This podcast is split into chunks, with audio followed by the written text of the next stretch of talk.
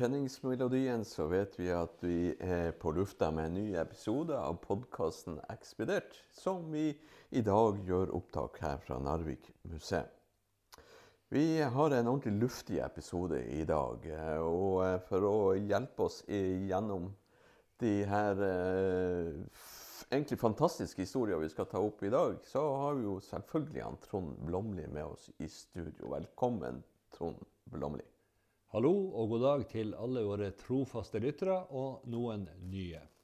Jeg glemte å si det at jeg skal eh, hjelpe han Trond eh, i dag. Jeg heter Jon Framnes og er da dagens programvert. Og i motsetning til mange andre episoder, så eh, skal Trond få lov å prate mye i dag. Du kom inn i selve hoveddøra i dag. Fint skal det være.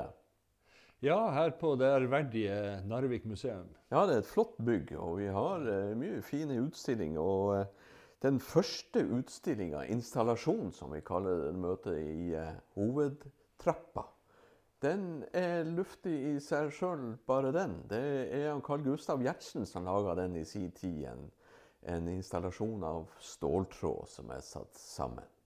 Ja, han har tvinna i hop eh, ståltråd. Det må ha vært masse arbeid. Men han, eh, han hadde antagelig en, akkurat som skulptørene, en, en idé om hva det skulle bli. Og som du sier, det er jo, eh, når du kommer inn hoveddøra inn i hallen eller entreen, så er det jo ganske høyt under taket. Det er jo tre etasjer opp med luft. Og opp langs trappegangen. Og der har han Carl Gustav laga en installasjon som består av øverst ei rype. Ei rype, ja. Eh, den kanskje eh, har fløyet over fjellene i Kiruna? Ja, eh, et av de her fjellene i Kiruna heter jo Rypefjellet. Kirunavaret, Rypefjellet. Der, eh, ja, det er vel nesten ikke noe igjen ut av det fjellet nå. Nei, det er jo blitt fundamentet til Narvik. det er jo det. det, er jo det. Så eh, i Rypefjellet så eh, ja, Jeg tror de er rundt 1300 meter eh, under jorda nå Ja. i utgraving etter jernmalmen. ja, og selve Rypefjellet er det jo bare et stort hold i. Det er bare et stort hold. Ja, all malmen er tatt bort. Ja, Der må vi til og med flytte byen for å så, eh, ikke ramle ned i det denne hullet her. Nei. Ellers så er vi jo veldig mange i Narvik som er glad i rypejakt. Ja, du verden, du verden. Så det er jo en flott begynnelse på ei luftig historie, det med denne vakre rypa. Spesielt Ja. vinterstid med den flotte, hvite, fine fjærrakten sin. Så, ja, hvis vi flyr litt lavere enn rypa øverst, så treffer vi på et lite sjøfly som heter Måsen. Ja, eh, det skal vi komme tilbake til, den, eh, den måsa. Eller eh, det er en, kan- en, en, en, en seske, sæske, en finskbygd fly. Ja, seske det er vel finsk for mygg, tror jeg. Ja, Det er finsk for mygg, ja. Det er jo språkmektig her i studio. Og eh, det var altså en eh, finsk flyfabrikk før krigen som heter Seski, og som produserte fly. Rett og slett. Ja. Ja. Eh, Små sjøfly. Det flyet der det har satt sin preg på Narviks luftige historie. da. Videre ned gjennom så har vi da en eh, Henkel. Henkel, ja, et tysk fly som var med og eh, ødela store deler av Narvik. Ja. Før eh, installasjonen avslutter nederst med det legendariske personflyet Tvinnoteren. Tvinnoteren, som eh, ramla seg mellom fjellene og inn fjordene eh, Ja. i en generasjon nesten. Ja, skal vi se. Hvis de åpna Framneslia i 1972, så var det jo Tvinnåten til Widerøe som begynte å fly folk til og fra Narvik, til Bodø, eh, Svolvær, Andøya, Tromsø. Ja, Så man kunne komme seg videre ut i verden derifra. Ja. Vi eh, går litt opp i den installasjonen, og så henger vi oss ved den eh, flytypen Seske. Ja. Som eh, da etter hvert fikk navnet Måsen, og eh, fløy veldig mye her i Narvik. Ja, man kan kanskje kalle det for Narvik sitt første sjøfly. Og da må vi begynne å snakke om en person som ble født seks år etter at dette bygget, Narvik museum, sto ferdig i 1902. Og da er vi på Hemnesberget i 1908. Og den vi skal presentere da, det er Gisken Nilsine Jacobsen. Eller som han eh, gjerne sa, bare Gisken. Ja. Eh, det var visst nok eh, hvis du har lyst til å sende et brev eller et postkort til Gisken Jacobsen. Så holdt det lenge å skrive Gisken på konvolutten, og det kom frem dit det skulle. Ja, Gisken Norge. En- Alle visste hvem det var. Alle visste hvem det var. Og uh, flyr vi Norwegian i hvert fall, så ser vi tydelig uh, avtrykket etter uh, Gisken Jacobsen der hun uh, pryder et av halerorene til deres flypark. Ja, så har hun fått en park i Narvik oppkalt etter seg. Ja, her borte på Skarvenes, Ja. Fagernes, Ja. der heter Gisken Jacobsens park. Og så har hun fått en veldig, viktig, veldig viktig gate i Bodø oppkalt etter seg. Ja. Og eh, kanskje den største hedersbetegnelsen må være da æresraller av Narvik i 1982, tror jeg hun fikk den Ja. eh, betegnelsen. Og hvis du blir eh, kaffetørst mens du går rundt og ser på en kopi av måsen som henger på Norsk Luftfartsmuseum i Bodø, så kan du få den kaffen i Kafé Gisken. Det betyr at denne dama var eh, eh, av stor betydning for eh, norsk luftfart. Ja, eh, vi får kanskje ta litt om eh, oppveksten. Og som vi nevnte, hun var født på Hemnesberget. Og faren hadde vært gift før han traff mora til ho Gisken. Men den kona døde. Og han hadde da en sønn fra det ekteskapet. Men hun, Gisken var altså første barnet i det andre ekteskapet. Og han hadde da begynt å eh, samarbeide med en som heter Mathisen, som drev med trelast nede i Rana. Og han Mathisen han eh, dro oppover til Narvik. Skjønte vel at her blir det å eh, bygges masse. Så her kan det lønne seg å sette opp en trelasthandel. Narvik var jo en eh, veldig ny by. Veldig, veldig ny by, og med jernbaneforbindelse til de store svenske skoger. slik Her skjer det ting. Her skjer det ting. Og han eh, Jacobsen, altså Nils Konrad Jacobsen, faren til Gisken, han eh, fulgte da etter. Ikke så lenge etter at Gisken var født. Hun var bare et lite barn da hun kom Ja, til Narvik. Så. Fordi at i folketellinga for 1908 i Narvik, så, så er de altså registrert som eh, boende i en sjøbod på Fagernes. Ja, Høres ut som en litt kummerlig kår da. hvis den... Ja, jeg tror ikke de var spesielt rike når de eh, kom hit. Men eh, sammen med han Mathisen så, eh, så klarte han, eh, faren til ho Gisken, han eh, Nils Jacobsen, å komme seg opp og tjene penger. Og bygde et, etter hvert en stor villa på eh, Fagernes. Og eh, Gisken fikk flere søsken etter hvert. Og ja Hun eh, gjorde seg bemerka med at hun nesten eh, kunne skrive og regne før hun begynte på skolen. En uh, smart unge. Ja. Spilte også mandolin og piano og orgel. Ja. Eh, var veldig for seg. Forseg- forseggjort pikebarn Ja. i Narvik. Og på Så- Fagernes. Ja. Og når, eh, hun var ikke gammel før hun begynte å hjelpe far nede på trelasthandelen med med skrive ut eh, lønninger til arbeiderne og holde i orden regnskapet og springe hit og dit med æren. Så eh, hun var nesten mer på butikken til faren enn hun var hjemme. Lite sidesprang, men du sier at han Jacobsen han eh, laga trelasthandel med Mathisen. Ja. Er det samme Mathisen som driver trelandshandel her i Narvik i dag? Ja, det er det. Fordi at han, eh, Nils Jacobsen han eh, solgte seg ut av trelastsamarbeidet med han Mathisen. Og så begynte han med båtbygging. Det er fremdeles ute på Fagernes vi snakker om da.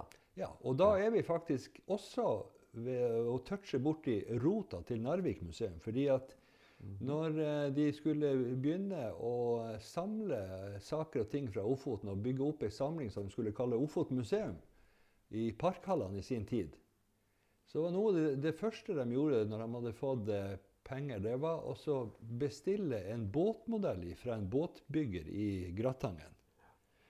Det betalte de 5000 kroner for. Folk mente at det var altfor mye penger å bruke på en båtmodell. Men det var ikke en hvilken som helst eh, båtmodell. Det var en modell av den stolte ishavsskuta Polarbjørn. Polarbjørn den står i et eh, monter eh, oppe i tredje etasje her på museet. Ja, det er en av de første i inventaret til museet. Ja. Og da er vi jo tilbake 50, 50 år. Ja, Modellen er en drøy meter lang. Eh, skuta i sin eh, velmaktsdager. Det var ei stor treskute. Ja, den var veldig stor. Jeg tror den var eh, godt over 60 meter. Ja. Så eh, det var faktisk det største polarfartøyet som var bygd fram til da. Og denne prosessen der fikk hun Gisken være med på som barn og ungdom. Å bygge båter på Skarvenes på Fagernes. Ja, det har kanskje gått de fleste hus forbi at det var, fantes et båtbyggeri i, i Narvik. Og at det var faren til Gisken som, som drev det båtbyggeriet. Og den første båten de bygde, det var til da det største, det største trebåten som var bygd i Norge. Ja. Og så nummer to var da den største polarskuta som var bygd i Norge. Vi kunne ha holdt oss på havet i denne episoden, Ja. men vi, skulle, vi skal opp i lufta. Etter hvert, ja. Men før det så, så fyller hun Gisken 18 år. Uh, og hun hadde, uh, hun hadde behov for litt fart og moro. Hun var uh, ei tøff jente. Ja, det må ha vært. Det må ha vært, for det, det skulle gå unna i svingene. Ja. Hva skjer på når hun fyller 18 år, da? ja.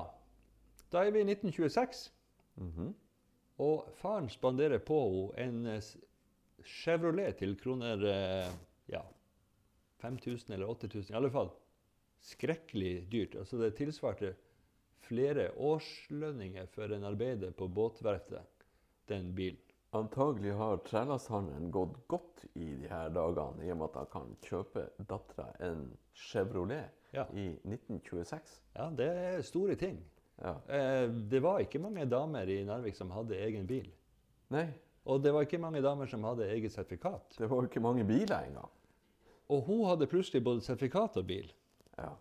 Det sies at han- eh, Sverre, som var kjæresten hennes borte på Fagernes på den tida, han eh, syntes det var litt forsmedelig å være passasjer. Fordi han hadde verken bil eller sertifikat. Og eh, vi vet jo hvordan det er. Det var jo veldig vanlig at det var guttene som kjørte og plukka opp jenter. Men her var det altså ei jente som kjørte og plukka opp guttene. Men hun drev ikke bare og plukka opp eh, gutter og eh, finkjørte på søndager med denne bilen. Nei, hun deltok i opptil flere billøp. Ja, just. Blant annet et billøp som gikk fra Narvik til Tromsø. Vi må huske på det at Øyjordferga kom vel eh, omtrent på samme tid. altså I 1928 så kom fergeforbindelsen mellom Vassvik og Øyjord. Og Da var det plutselig mulig å kjøre nordover. Og det var den tida det var ferge over Målselva. Ja, just. Og der dundra hun av gårde med den eh, Chevroleten opp Ja. til Tromsø. Og eh, så, to år senere, da skjer det noe. Da skjer det noe igjen. Eh, det er, Narvik er gjenstand for en ganske stor internasjonal begivenhet. Ja, altså vi eh, har kanskje hørt historier om han eh, Han var vel kanskje general eller admiral den gangen, han Nobile. Mhm, Italienere. Italieneren, ja. Som hadde vært med på luftferden til han Amundsen med luftskipet Norge over Nordpolen. Av de dramatiske historiene der Ja. har vi fått med oss. Og eh, han Nobile han fant jo ut at eh, han, det her kunne vel italienerne klare sjøl, så han, han fikk bygd et nytt luftskip som da heter Italia. Og skulle gjenta eh, polferden med bare italienere om bord. Ja, det er klart. Eh, så de hadde base i Ny-Ålesund og var ute og prøvefløy et par ganger. Det gikk helt fint. Og så fløy de opp til eh, Nordpolen og telegraferte ut til verden at nå er vi på Nordpolen. Et italiensk team med en italiensk luftskip som heter Italia. Mm. Og det her var jo eh, i en tid da Italia eh, var veldig fascistisk og veldig sånn nasjonalistisk. Ja, de hadde behov for å markere seg. Ja. Men på vei tilbake til Ny-Ålesund så forsvinner luftskipet. Det gikk ikke så bra. Nei, altså det, heldigvis så er det altså en radioamatør i Arkangelsk som klarer å fange opp nødsignal fra de som har overlevd eh, krasjet. For uh, det her luftskipet har antagelig isa ned, blitt for tungt, dalt ned og truffet isen slik at denne gondolen under luftskipet ble slått løs. Så luftskipet forsvant. Mens gondolen, eh, de om bord som hadde ja, Noen var jo ganske hardt kvesta etter det krasjet i isen. Men eh, de visste ikke hvor de var, og ingen visste hvor de var. Men man visste at de var i live. Om jeg ikke tar feil, så det her, eh, ble det her Roald Roar Amundsen sin bane. For han heiv seg på vingene ganske kjapt og skulle opp og lete etter luftskipet og Nobile. Ja, etter denne her, ferden med luftskipet Norge, så røyk jo han og han Nobile uklar. Eh, og eh,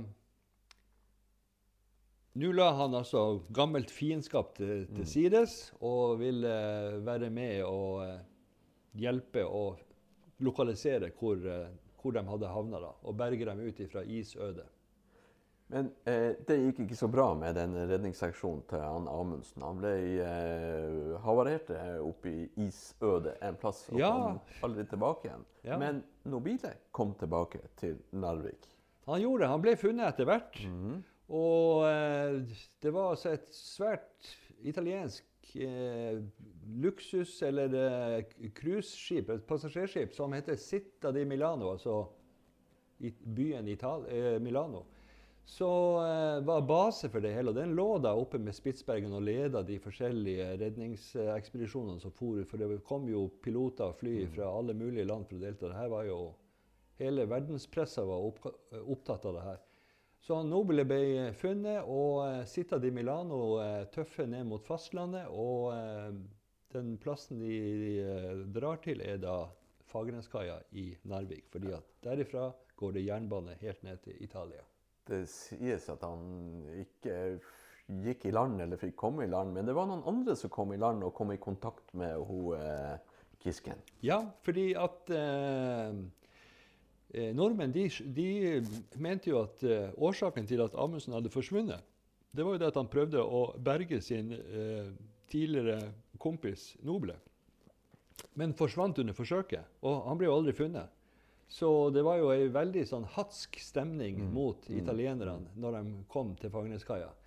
Eh, men idet han eh, Nobile har gått over i denne vogna hvor han skal tilbringe tida til han, eh, ned til, eh, hjem til Italia, så er det da, eh, blir båten liggende, og eh, hun, eh, Gisken, som da er 20 år, hun ser sitt snitt til å eh, bli litt kjent med det her eh, sirkuset som, som, har kommet til byen. Altså, det er jo flygere, det er navigatører, det er flyteknikere, det er radiotelegrafister. det er altså Hele den store verden har plutselig kommet og lagt til kai rett nedenfor villaen til familien Jacobsen. Det må jo være mat for eh, ung kvinne som var interessert i teknikk og ja, utvikling og innovasjon. ja, hun syns det var veldig spennende. Så ja. hun eh, inviterer da en del av de her eh, karene om bord hjem på kaffe og smørbrød som mora har diska opp. Mm -hmm.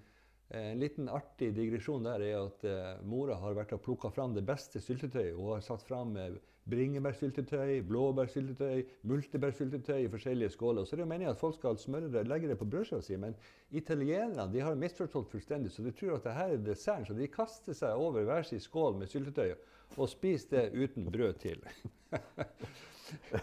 ja, just. Um, men det her, i det møtet med de italienske flygerne og mekanikerne, uh, hennes interesse for uh, luftfart og ja, hun er, hun er og går kveldstur med en av pilotene som, som, blir igjen, og som skal opp til Spitsbergen og lete videre etter, mm. etter selve luftskipet. Eh, så hun eh, er og går kveldstur i parken med den her italienske flygeren. Veldig kjekk mann. og, og prater med han. Og han eh, 'Hvordan er det å fly?' sier hun. og liksom, 'Det her kunne jeg godt tenke meg'. Og så spør, ser han på henne og spør ja, Hvorfor kan ikke du bli flyger like så godt som hvem som helst ellers? Yes. Og det er altså startskuddet for åtte år med fantastisk flyhistorie. Hun eh, hiver seg rett og slett til og tar flysertifikat. Ja, det her er jo leteaksjonen etter, etter han Nobel er altså i mai-juni mm. i 2008.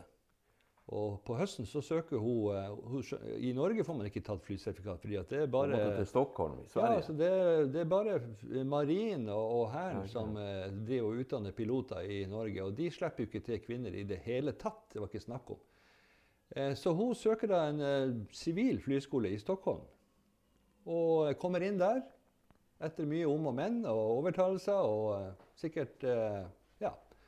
Hun måtte nok troppe opp og gi dem et pent smil for å komme i betraktning der. Men eh, hun kommer inn, og eh, etter noen eh, måneder så går hun ut som den beste av ti elever. Ja. Det var ei norsk dame som hadde tatt eh, flysertifikat Før hun. før hun. Ja. Ja. ja. Ei Men- Berger het hun. Ja, eh, Dagny Berge. Dagny Berger. Eh, Ja. hun ville også starte flyselskap, men fikk ikke konsesjon og eh, dro over til Canada, hvor hun ble da guvernante i, hos en familie. Så hun fikk ikke noe lang luftfartskarriere. Nei. Hun, eh, Gisken hun fikk for andre veien, altså østover til Finland. Ja, når hun, hadde, Eh, når hun, fly også. ja, når hun som kvinne nummer to i Norge med flysertifikat, så dro hun til Finland for å kjøpe fly. Ja. Eh, sannsynligvis med penger fra sin far. Ja, han hadde kommet seg godt til penger etter Ja. hvert med, med det Det var nok ikke billig å kjøpe et, eh, et lite sjøfly den gangen, men uh, hun fikk uh, kjøre. og, og så fikk hun jo en, eh, en uh, finsk pilot på kjøpet. For hun hadde jo ikke noe utdanning i å fly sjøfly, og heller ikke i å fly det her finske flyet, så hun måtte jo ha en finsk pilot som kjente flyet, for å fly det hjem til Narvik. Da, da snakker vi om altså det, det flyet som eh, Det seske, altså Ja. myggen som ble kalt for måsen. Ja. Hun var i Kemi i Finland og henta det, Ja. og tok med seg piloten. ja. Og, og fløy det oppover hit på vinterstid. Ja. Helt utrolig, egentlig. ja mellomlanda i Tornetresk, Fylle bensin på Abisko. rett og slett. For bare inn på turiststasjonen og Ja. hørte om det var noen som hadde noen kanner bensin. Ja. Mhm. Eh, overalt hvor hun landa, så ble det jo store tumulter, fordi at Ja. eh, fly var jo veldig sjelden å, å se. Og i hvert fall på vinteren. Ja, ja, Og her kommer det altså et sjøfly og, eh, og lander på, på sneen, og det gikk eh, bra gang på gang. Helt til de kom hjem til Narvik. Da gikk det også bra. ja. Da kom til Narvik, så eh, flyet var ikke registrert i Norge. Hun måtte få det registrert, og det kunne hun ikke gjøre her i Narvik. Så hun måtte Ja, sørover med det flyet. Nesten som den historien med skoger som ble taua hjem til eh, Narvik uten å betale toll og moms. Ja.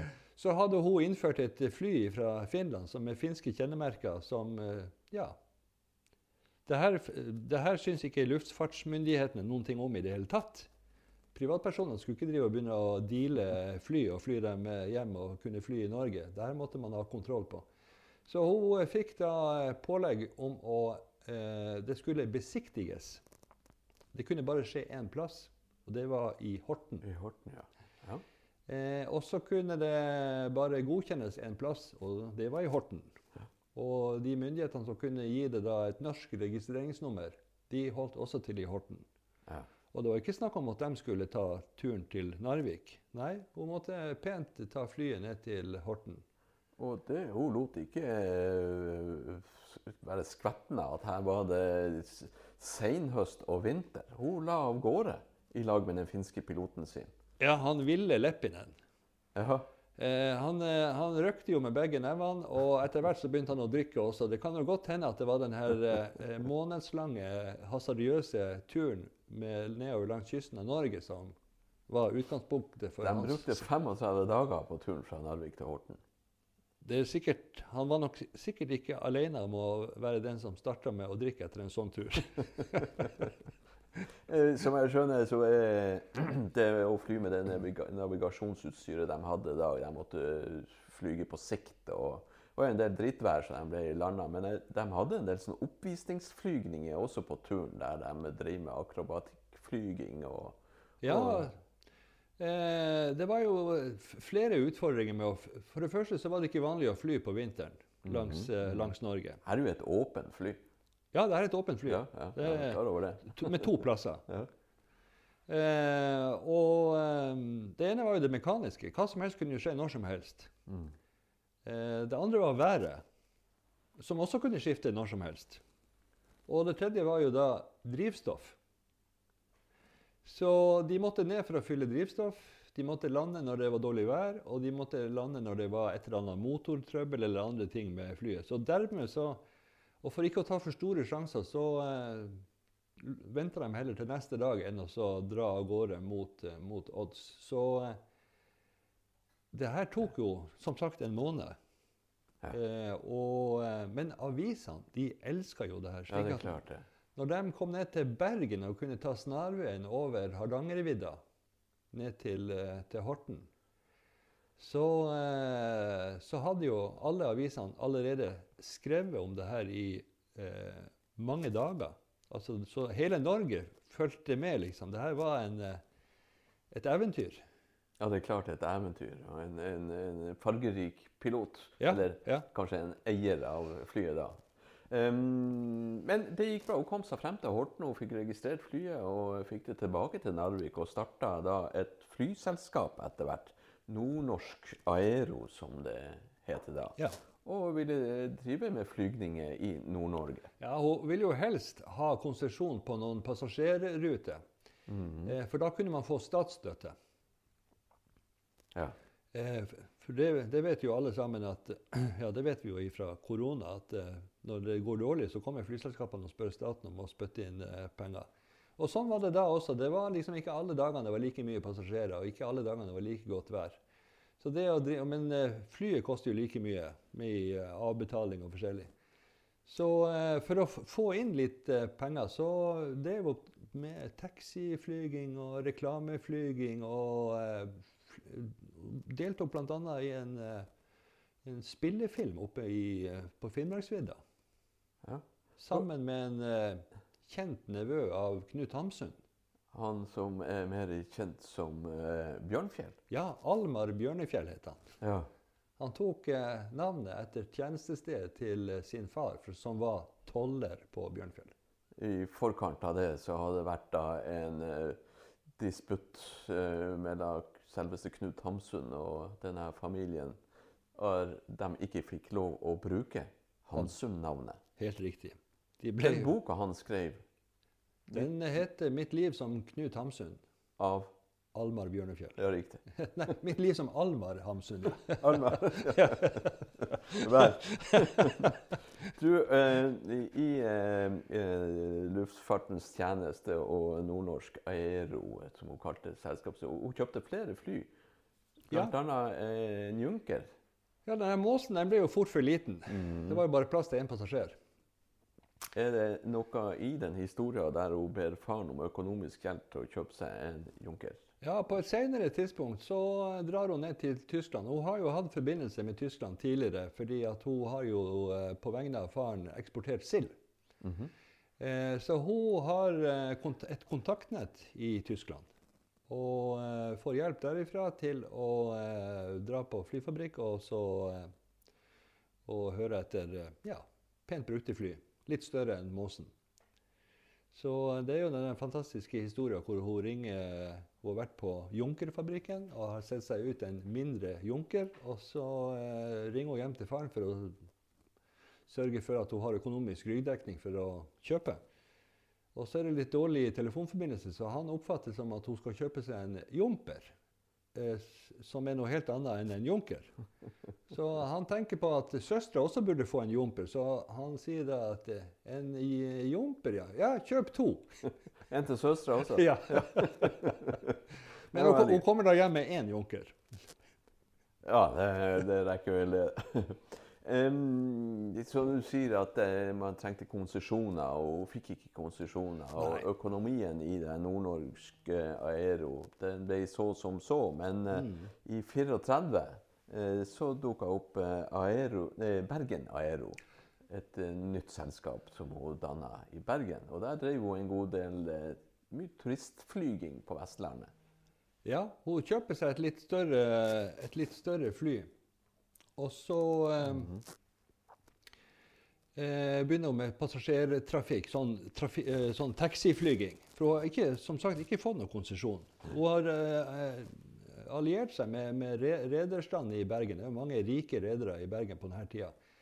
Og så eh, argumenterte med at de kan ikke la et østlandsk selskap få monopol på all flytrafikk i Norge. Og det er de jo ganske enige i, å stille opp med penger, slik at hun får hjelp til å, å kjøpe et litt større fly og søke om konsesjon for ei flyrute fra Bergen til Newcastle og fra Bergen til Trondheim, Bergen-Oslo. Men eh, får ikke det. altså hun, eh, hun, blir nok respektert for det, sin, eh, sin, mot og dumdristighet. Men eh, luftfartsmyndighetene nede i Horten de syns vel kanskje at hun alene eh, blir et litt lite selskap til å kunne håndtere det og drive passasjerrute rundt omkring.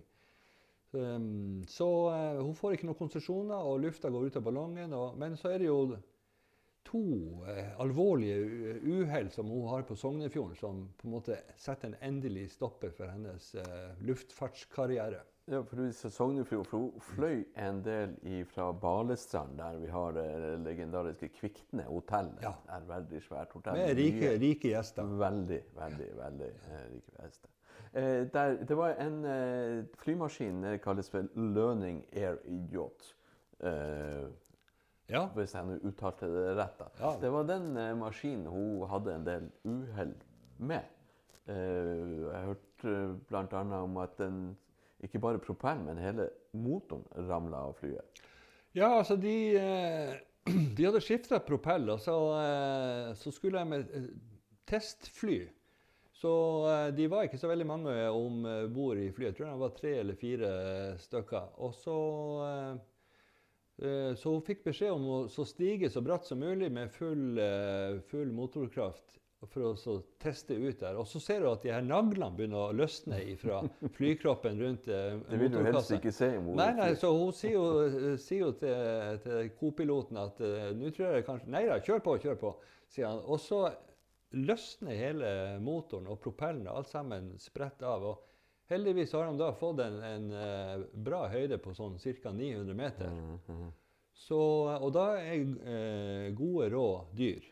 Men uh, han kopiloten, som jeg tror da var han Birger Johnsen fra, fra Bogen, han sier til henne å få flest mulig vekt helt framme. Og det sies jo også at han fikk en til å klatre fram og sette seg opp i motorkassa, slik at det ble likevekt i flyet. Og så klarer han å, å lande flyet da uten motor. Den bare seiler inn for landing. Og hun sa jo etterpå at det var en av de peneste landingene som han noensinne hadde gjort, han Birger. Ja. Ja, det er en, bragd i Ja, det er en bragd i seg sjøl, og ingen omkom. Ja. Så, omkom, men flyet ble vraka. Ja, ja. Og så var det å dra ned til Tyskland og så kjøpe et nytt fly. Enda litt større. Enda litt fly, ja. Og fortsette med eh, passasjerflyving eh, i eh, Sogn. Og Mm. da inntreffer den andre ulykka. Mm. Eh, når de skal lande etter en sånn her taxitur med, med passasjerer om bord, så treffer de noe drivgods som ligger og flyter i sjøen. Og eh, ene flottøren blir da slått av. Da vipper jo flyet over og eh, tipper rundt. Og eh, hun, eh, Gisken hun kommer da til sans og Hun blir slått bevisstløs i, i det her og kommer da til sans og samling innesperra i kabinen, som da er opp ned og fylles med vann. Eh, noen av de andre har klart å komme seg ut og sitte oppe på vingen, og de klarer å dra henne ut fra kabinen. Så de, med skrammer og sår så er det heller ikke der noen som mister livet. Men det er da eh, om ikke spikeren i kista, så i hvert fall eh, siste punktum for, for hennes eh, luftfartskarriere. Ja, men eh, hennes karriere tar ikke slutt eh, likevel. Hun er jo ei svært driftig dame, og Gisken Jacobsen her. Og, Ja, hun, hun, går, ja, hun går inn i trelasthandelen eh, til faren da, ja, ja, overtar den. og begynner med eksport av sild. Eller fortsetter med eksport av sild. Ofoten og Nord-Norge var en eh, silderik eh, område. Ja, og selvfølgelig eh, salt, saltfisker fra Lofoten ja, og alt som, kunne, alt som hadde en kunde en plass. Så, eh, så dør faren i 1944. Mhm. Og da er det på en måte hun som drifter eh, trelasthandel og fiskeeksport videre. Ja. Men hun hiver seg til på eh, andre felter også. Innenfor bergverket. også veldig frempå. Ja da. eh, Hvis vi eh, kikker i 'Skatter i fjell', som er en kjent bok her på museet, så vil vi se da at en av de siste kapitlene, som handler da om bly- og sinkforekomsten på Torska i Evenes, der er det en eh, trelasthandler, Jacobsen, som er inne med prospektering både på 30-tallet og 50-tallet. Og på 50-tallet så er jo han Nils Jacobsen død, så da er det hun Gisken som Som, som eh, satser på bergverksdrift. Og hun satser også i eh, Salangen på å ta opp drifta på eh, Salangsverket. Salangsverket. Ja, Ja. Og eh, hun eh, beholdt en, en, drøm om å starte jerngruve i Tromsøysund ja, helt opp til 70-tallet. Ja, for om man skal si forretningsideen hennes eh, En ting er de mineralene og de skattene i fjellet Ja. som vi snakker om, men hun så også i forhold til logistikken og transporten at her er forekomster som ligger ganske nært havet, og at det å bryte det ut av fjellet og kort vei til, eh, til, til markedet Ja. på båt eh, var en fortrinn i eh, Ja. hennes forretningsside. Ja, og hun sier jo sjøl at det er ikke er sikkert at det er hun som kommer til å re eh, endelig realisere denne hjerneforekomsten oppe i Ramsund, Tromsø. Men hun har stor tro på det, fordi det er såpass lettvint å få malmen over i båt og få den ned til eh, kundene på kontinentet. Og med de prisene som er nå, så er det ikke så usikkert at noen plutselig ser at det går an å For vi har jo drift på gruven i Dunderlandsdalen i Rana. Det er akkurat samme type forekomst. Ja. Hun eh, var også eh, kanskje naturlig til den trelasthandelen, men hun kjøpte seg store skogeiendommer i Finnmark, faktisk.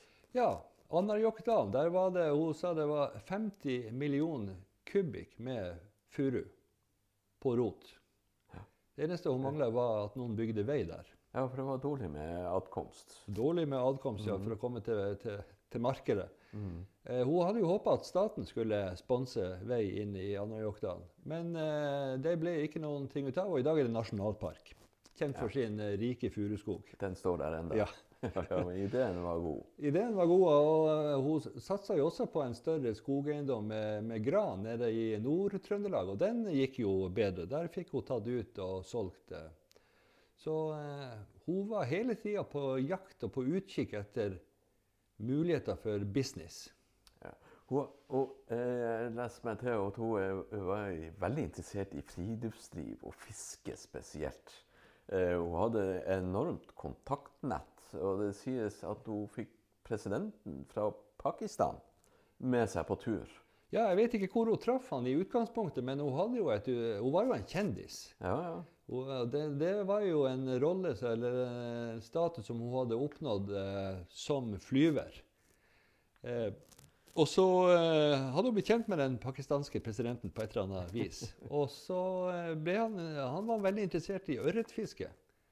Og da sa hun at det skulle hun fikse. Han skulle bare komme seg til Oslo, så skulle hun ta seg av resten. Så han var da hennes personlige gjest i ja, flere uker. Og det endte da opp med at de dro opp til eh, Altevannet. Og der var det hun som, eh, som sto alene for guiding og servering og fiske og hva som helst. Det eneste han var veldig nøye på, det var at morgenteen skulle serveres nøyaktig klokka sju. Klokka sju, ja. Han var nøye på det. Ja.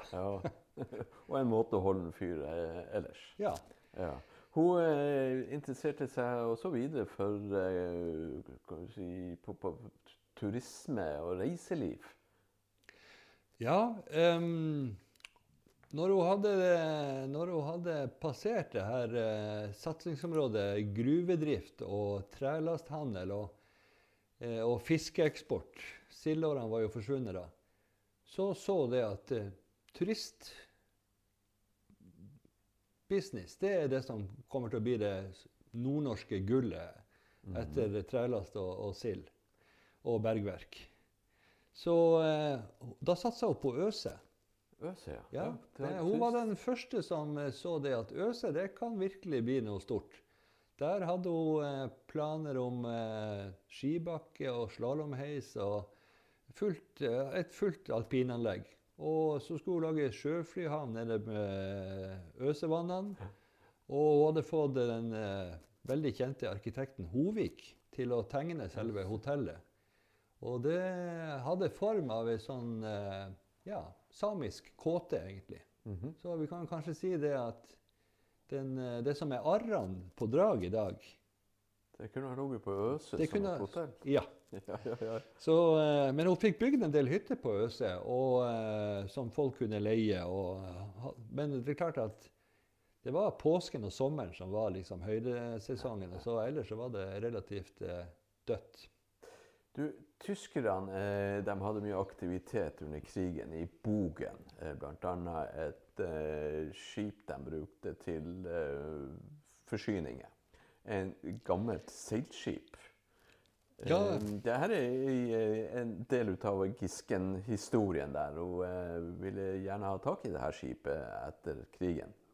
Ja, jeg tror det var han eh, Jørn Olmen som skrev en artikkel om det der i årbok for Ofoten, antagelig 2000-2001. Mhm. eh, og det, det var om det her fantastiske seilskipet Moshulu.